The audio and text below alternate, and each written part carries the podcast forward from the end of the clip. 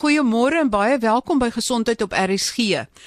Kan mens die advertensies wat jy in koerante, tydskrifte, op die radio en op TV sien en wat spesifiek betrekking het op gesondheidsake, kan mens dit glo? As die advertensies sê jy moet hierdie neem as jy diabetes want dit gaan jou diabetes genees of dit gaan alle moontlike pyn van artritis wegvat en sommer die gewrig toe ook gesond maak of jy moet jou ander cholesterol medikasie los en dan drink jy eerder hierdie middel wat ons gee maar wat die mense nie weet nie is dat dit eintlik ongekontroleerde dosisse van gewone cholesterolmiddels bevat.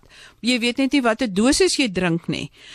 My gas in die ateljee is professor George Klasen. Hy is wetenskapjoernalis, Hy's 'n professor in journalistiek aan die Universiteit van Stellenbosch se journalistiekdepartement en hy's ook baie belangrik ombudsman van Media 24.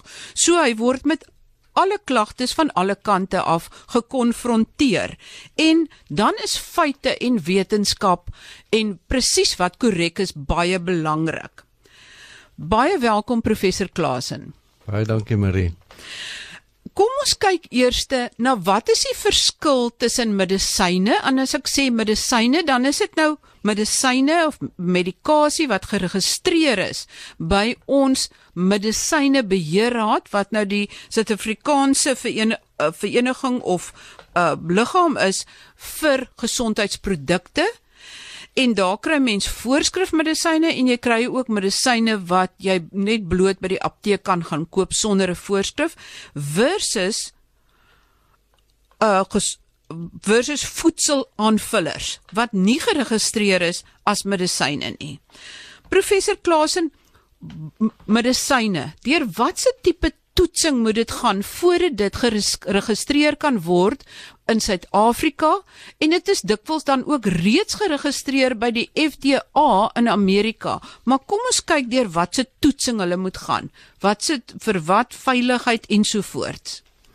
Ja, in die wetenskap is daar enige medisyne of nuwe produk wat op die mark geplaas word, uh moet deur 'n uh, 'n baie streng toetsingsproses gaan. Uh hulle praat van fase 1 2 3 4 5 6.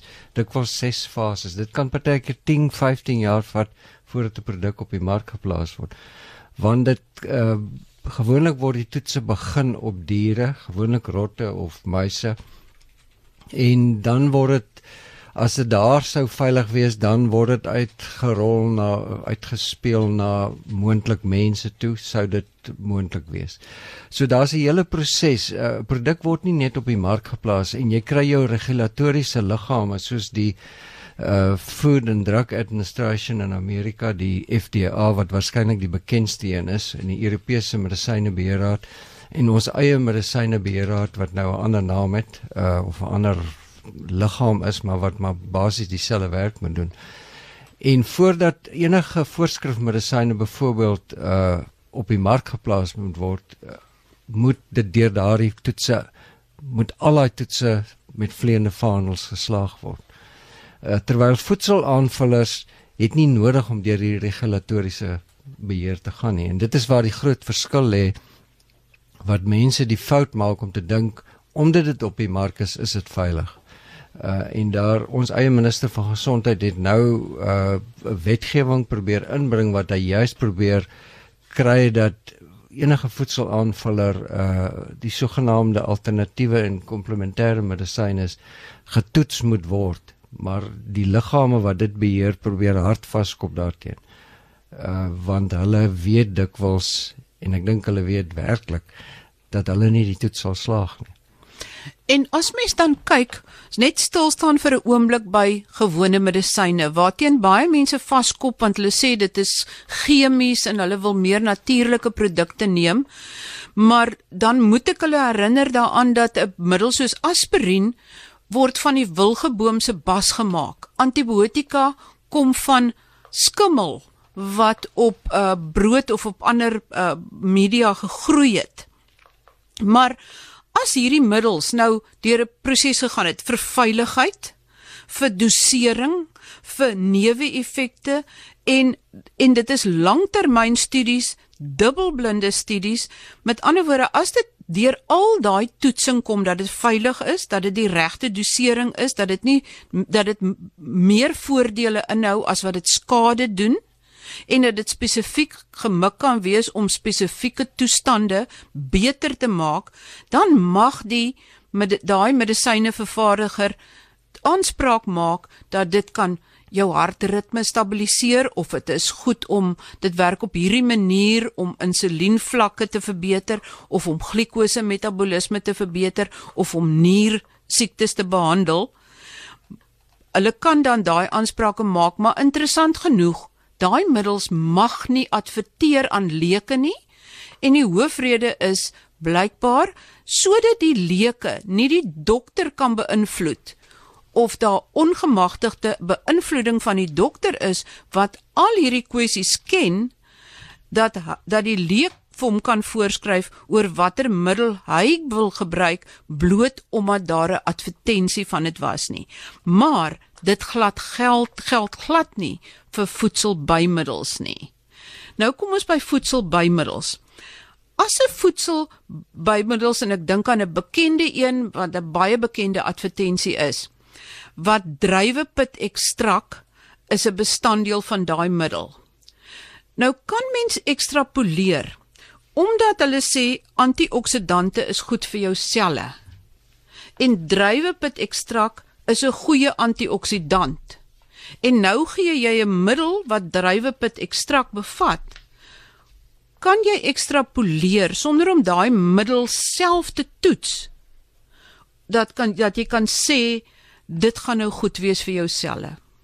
Nee, ek kan nie. Uh, een van die een van die eerste dinge waarna ek kyk en ek dink elke luisteraar behoort te kyk wanneer jy na advertensie kyk, 'n gesondheidsadvertensie, is is die woord wonderwerk daar. Dan gaan jy sommer dadelik sê al my ons en verklikkers moet aangaan. Want daar is nie wonderwerke in die mediese bedryf nie. Daar is uh grade van gesondheid en beter word en al die soort van goed. Uh maar middels bring nie wonderwerke mee nie. Uh tweede ding is wat mense aanhoudend moet vir my of bedag op wees is mense sê dit is natuurlik. Vir my die chemikalieë want dit is natuurlik. Wat mense nie besef nie is 99% van alle chemikalieë kom uit die natuur uit. Jy het nou genoem uh aspirien wat van wilgerbas gemaak word. Baie van die antibiotiese medisyne of medikasies wat deur voorskrifmedisyne geskryf word kom uit die natuur uit. Dit is deur natuurlike prosesse gemaak uit plante en uit uit verskillende produkte uit. Uh en dan produkte vervaardig wat dan uh aangewend word in samehang met ander uh uh chemikalieë om gesondheid te bewerkstellig. Maar die die die punt wat ek wil beklemtoon is dat mense wanneer hulle na advertensies kyk, moet of luister moet baie bedag daarop wees dat iets nie noodwendig gesond is of beter is omdat sogenaamd natuurlik is. My vraag is net elke keer en jy het nou genoem die duiwe druiwepit ekstrak die sogenaamde antioksidante An, antioksidante is een van die mees misbruikte woorde wat jy kan kry in die in die mediese wetenskap. Mense dink as dit 'n antioksidant is, hulle sê vir ons rooiwyn bevat antioksidante, daarom kan jy maar baie daarvan drink. Jy het gepraat van 'n dosis. Dosis is baie belangrik. Paracelsus het al in die 15de eeu gesê as 'n Switserse dokter dit gaan alles oor die dosis. Water is nie noodwendig gesond vir jou uh as jy 18 liter 'n dag drink soos die Australiese uh, vrou wat op 'n dieet gegaan het omdat water is mos goed vir jou. Toe drink sy 18 liter 'n dag en haar organe het gebars en sy's dood daaraan. So dit gaan oor die dosis. Uh en en mense moet bedag wees daarop en dis hoekom jy binne in die uh, enige produk kry die voubiljette dit word deur die wet verplig wat sê wat is die veilige dosis ensovoorts waarna jy moet kyk. Ja, ek kan nou voorbeeld noem van dosis en dit is um, rotgif. In hoë dosis maak dit rotte en mense dood. Maar in 'n lae dosis is dit 'n uitstekende bloedverdunner wat moontlik hartaanvalle kan voorkom en wat inderwaarheid in sekere medisyne gebruik word. Maar as die dosis te hoog is, gaan jy jouself vergiftig. So en die ander punt wat ek dink wat baie belangrik is, is dat as jy kyk na 'n voedselaanvuller en hy werk, beteken dit hy het chemikalieë in. En as iets werk met chemikalieë, dan moet mens kyk of daar neeweffekte is. Want as hy een effek het, het hy wat goed is, kan daar dalk wees dat hy effekte het wat dalk op ander middels werk. Byvoorbeeld St John's wort. En ek is seker ek sal nou-nou meer uitbrei daaroor, maar ek is seker jy kan dan nog voorbeelde dink in hierdie verband. Ja, daar is van die natuurlike kruie. Mense het ook 'n ander uh uh gevoel dat of dit is amper soort van 'n modewoord geword. Uh kruie is goed vir jou. Kruie kan goed vir jou wees, maar baie kruie is nie goed vir jou. Die die die St John's wort of die St Jans kruid soos hulle dit in Afrikaans noem, is uh, baie bewese uh antidepressant. Maar wanneer dit dit gebruik word in samehang met sekere medikasies, kan dit 'n baie slegte neeweffek hê en hoogs gevaarlik wees. En mense uh gebruik dit asof hulle wil sê, "Oké, okay, ek gebruik my my my antidepressante middel wat voorgeskryf word en ek gaan die St. Jan skryf daarmee saam gebruik want dit gaan dit mos nou sterker maak." Dit gaan beter werk. Inteendeel dit werk nie beter en dit stel jou lewe in gevaar. Ja, want die St. Janskruid bevat 'n baie oudtydse soort antidepressant wat eintlik deur dokters van die mark onttrek is omdat dit so baie middelinteraksies het en ander middels anders te laat werk of te sterk of te swak. Nou wil die persoon self 'n uh, uh, um, homself gesond maak van sy depressie of sy depressie medisyne versterk en dan gebruik hy eintlik iets wat sake erg deurmekaar kan krap. Ja, inderdaad. Ehm uh, as ons kyk na na van die advertensies wat jy kry op voedselaanvullers. Ehm um, As mens kyk, ek het onlangs gestap in een van die groot kettinggroepe uh apteke. Het 'n advertensie gehad buite op die venster. Kom wees hier op 'n sekere dag want Patrick Halford gaan hier wees. En hy gaan sy boek teken. Uh dit is van die voorbeelde wat wat wat wat my dwars in die krop steek waar die die die wetens mediese wetenskap apteke wat werk in die wetenskap gaan staan en heel met kwaksalvers. Want Patrick Alford is niks anders as 'n kwaksalver nie. Uh hy het homself 'n graad toegeken, hy het sy eie instituut gestig waar hy sy eie produkte op bemark en deur sy eie toetse gaan en dan sê hy dit is uh uh medies bewys. En ons kry dit in baie gevalle waar ehm um, organisasies hulle eie toetse doen en dan gebruik hulle die naam en dit is nog 'n woord wat mens maar kan vermy as jy dit in advertensies sê sien wetenskaplik getoets. Die eerste vraag wat 'n leser of 'n luisteraar na moet kyk is goed, maar waar is dit getoets? Wie het dit getoets? Het 'n eie het het Holford sy eie instituut dit laat toets, het die tabakmaatskappye wat in die ou dae gesê het kanker word rook veroorsaak nie kanker nie, het hulle eie wetenskaplikes gekry en dan gesê dit is veilig. Uh dit is nie onafhanklikheid nie. Die die baie belangrike beginsel in in wetenskap is dat enige navorsingsstudie en deesdae al die vakjoernale beklemtoon dit. Jy kan nie enige studie publiseer sonder dat jy nie jou belange verklaar nie. Jy moet sê wie het hierdie studie befonds. Uh met die gevolg is jy kan nie uh 'n finale verslag uitbring as jy nie gesê het maar ek is moontlik beïnvloed deur die mense wat my befonds het nie. Wat dit wil sê sekere dele uit die verslag uitgehaal wat negatief oor my produk was nie. En selfs dokters wat sprekers op kongresse is, moet hulle belange verklaar. Hulle is geborg deur 'n farmaseutiese maatskappy, sê maar Boehringer Ingelheim of Merck of MSD, uh, dan moet hulle dit verklaar sodat uh, daar doodseker gemaak kan word dat hulle nie 'n uh, bygetrek word en hulle opinie daardeur beïnvloed is nie. Ek wil net terugkom na die feit van publikasies. Professor baie keer en dit is juis dan die medisyne wat omstrede is en die behandelings wat omstrede is wat as mens navraag doen dan stuur hulle lyste en lyste van publikasies. En vir iemand wat nie, hoe moet jy daarna kyk? want dit is dit is baie maklik om 'n joernalis wat nie regtig in diepte kennis het van wetenskapjournalistiek nie te flous en dit leek nog makliker te flous met wetenskaplike woorde. Ja, inderdaad, uh, dit is een van die grootste misleidings wat plaasvind in in in uh verslaggewing en in advertensies oor gesondheidsprodukte. Uh die uh nie alle studies is gelyk nie. Nie 'n studie wat byvoorbeeld uh gesê word wetenskaplik is is nie noodwendig korrek aangepak nie. Ehm um, baie van die studies weerspreek mekaar. En daarom moet uh verbruikers baie bedag daarop wees wanneer hierdie woorde rondgegooi word in 'n advertensie.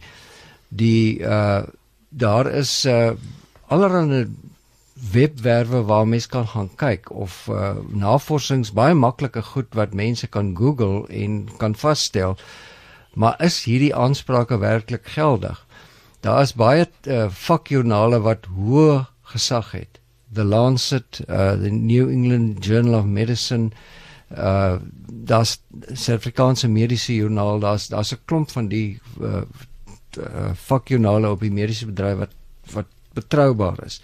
Maar selfs hulle weerspreek mekaar in 'n sekere sin en dit is hoekom die Cochrane collaboration uh, wat onder invloed van 'n van 'n uh, Skotse dokter begin is metastudies aanpak en dit wil sê gaan kyk na alle navorsing wat sê maar hoe homeopatie gedoen is en dan gaan kyk wat is die bevinding en dan kom hulle tot 'n konklusie wat sê maar 80 navorsingsstudies gevind het.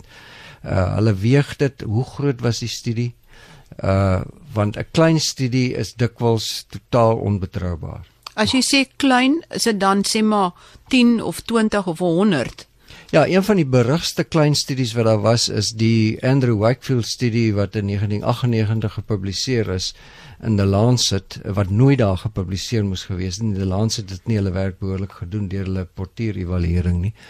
Uh Andrew Wakefield, 'n Britse dokter wat uh, 'n uh, verband gevind het sogenaamd tussen die ehm um, pampoentjies uh die die skemerkelk van van van ins, inenting wat babas kry uh van die drie kindersiektes en dat dit sou lei tot outisme. Daardie studie is totaal gediskrediteer. Dit het gelei uh dit, dit die studie was gebaseer op totale bedrog. Dr. Wakefield is geskort uit die Britse mediese uh, bedryf. Hy mag glad nie meer praktiseer nie. Uh en hy het veldtog nou sy held in Amerika by sekere mense wat hierdie anti-intentingsveldtog het. En ek het gisterand op die BBC gesien, daar was 'n hele program daaroor oor die die feit dat dit lei tot uitbraak van van masels epidemies nou weer in Europa omdat ouers hierdie invloed uitoefen op grond van 'n studie wat totaal gebreke gehad en verkeerd was. So 'n groot studie, sy studie was 12 kinders wat in elk geval heeltemal deur bedrog plaasgevind het. Uh 'n studie is meestal eers betroubaar as dit uh meer as 100 en verder. Dit is moeilik om 'n syfer vas te stel. Uh dit is hoekom daar verskillende fases is wat begin is met klein groepies en dan word dit uitgespeel na groter groepe mense wat wat dan betrek word by 'n studie en te kyk hoe betroubaar dit is. Ja, dit is ongelukkig dat Oprah Winfrey en ander bekende akteurs wat ook geen mediese agtergrond het nie nou weer uh die studies en die bevindinge aanhang en verkondig. Wat ook interessant is is dat professor Petrus de Vries wat by die Rooikruis Kinderhospitaal 'n uh, neuroontwikkelings uh, uh kundige is verduidelik het al op hierdie program dat jy sekere ou- soorte outisme kry waar die tweede generasie breinbane nie aanskakel nie en dat dit presies daai tyd gebeur wanneer die MMR vaksin toegedien moet word en daarom moontlik dat dit die verwarring veroorsaak het of dat die uh, oorspronklike outeer daardeur mislei is, maar hy het nie verder gekyk na moontlike oorsake nie. Dan wil ek net hoor baie van hierdie mense wat wondermasjiene ontwikkel en ek dink aan iemand soos Ger van Libbe. Uh hoe gebeur dit dat iemand wat 'n totale leek is, skielik in die mediese veld inkom met 'n masjien wat pyn en malaria en alles kan optel en dan is daar 'n klomp mense wat hom volg. Dit is ehm um, ek verstaan dit nie altyd nie. Uh, gelukkig is hy uitgevang. Kan jy vir ons so 'n bietjie meer vertel van wat daar gebeur het? Wel, mense wil so graag goed glo wat hulle gaan help, veral wanneer jy ouer word en jy het artritis en jy kry allerlei pynne in jou gewrigte en dan kom Gerwan Libbe op die mark met 'n produk wat sê hy gaan al hierdie uh, skete van jou wegvat. Maar toe ongelukkig toe kom hy op die mark en hy uh bemark sy sogenaamde malaria horlosie wat dadelik as jy die horlosie dra sou kan vasstel dat jy malaria het. En hy's deur 'n baie slim wetenskapjoernalis uh uitgevang en die uh want hy het beleggings gevra vir die malaria masjien. En op die einde is hy op 20 klagte van bedrog skuldig bevind of 18 klagte van bedrog en 20 jaar tronkstraf opgelê. Mense moet baie versigtig wees. Daar's mense wat masjiene verkwansel of wat masjiene aankoop en dan sê hulle behandel jou ondanks die feit dat mediese wetenskap geen bewyse het en daai masjiene is nie getoets deur deur die uh, uh FDA of deur enige regulatoriese liggaam nie of hulle is getoets en nooit bevind dat dit help nie maar mense mislei die die publiek deur die masjien nog steeds te bemark en die negatiewe dinge uit te haal uit advertensies en net te praat oor die positiewe. Een van die beste voorbeelde was byvoorbeeld die die Reima uh, armband wat Bruce Fordyce geadverteer het dat dit al jou skete sou wegvat, al jou reumatiekpynne. En daardie produk is verbied in Australië en in Europa want dit doen nie eenvoudig, hulle sê dit kom neer op klein gewone bedrog. Jy gee 100 betaal 180 of 380 rand daarvoor en dink dit gaan gaan jou reumatiek verwyder. Daar's geen bewyse daarvoor. Dis dis gedoodgewone bedrog. 'n Ander voorbeeld uh, wat ek kan noem is die skew masjien. Die uitvinder van die masjien moes al vlug uit Amerika en Kanada en hy verander voortdurend die naam van die masjien om juis om uh uh klagtes en uh ondersoeke te probeer vermy en te ontsnap.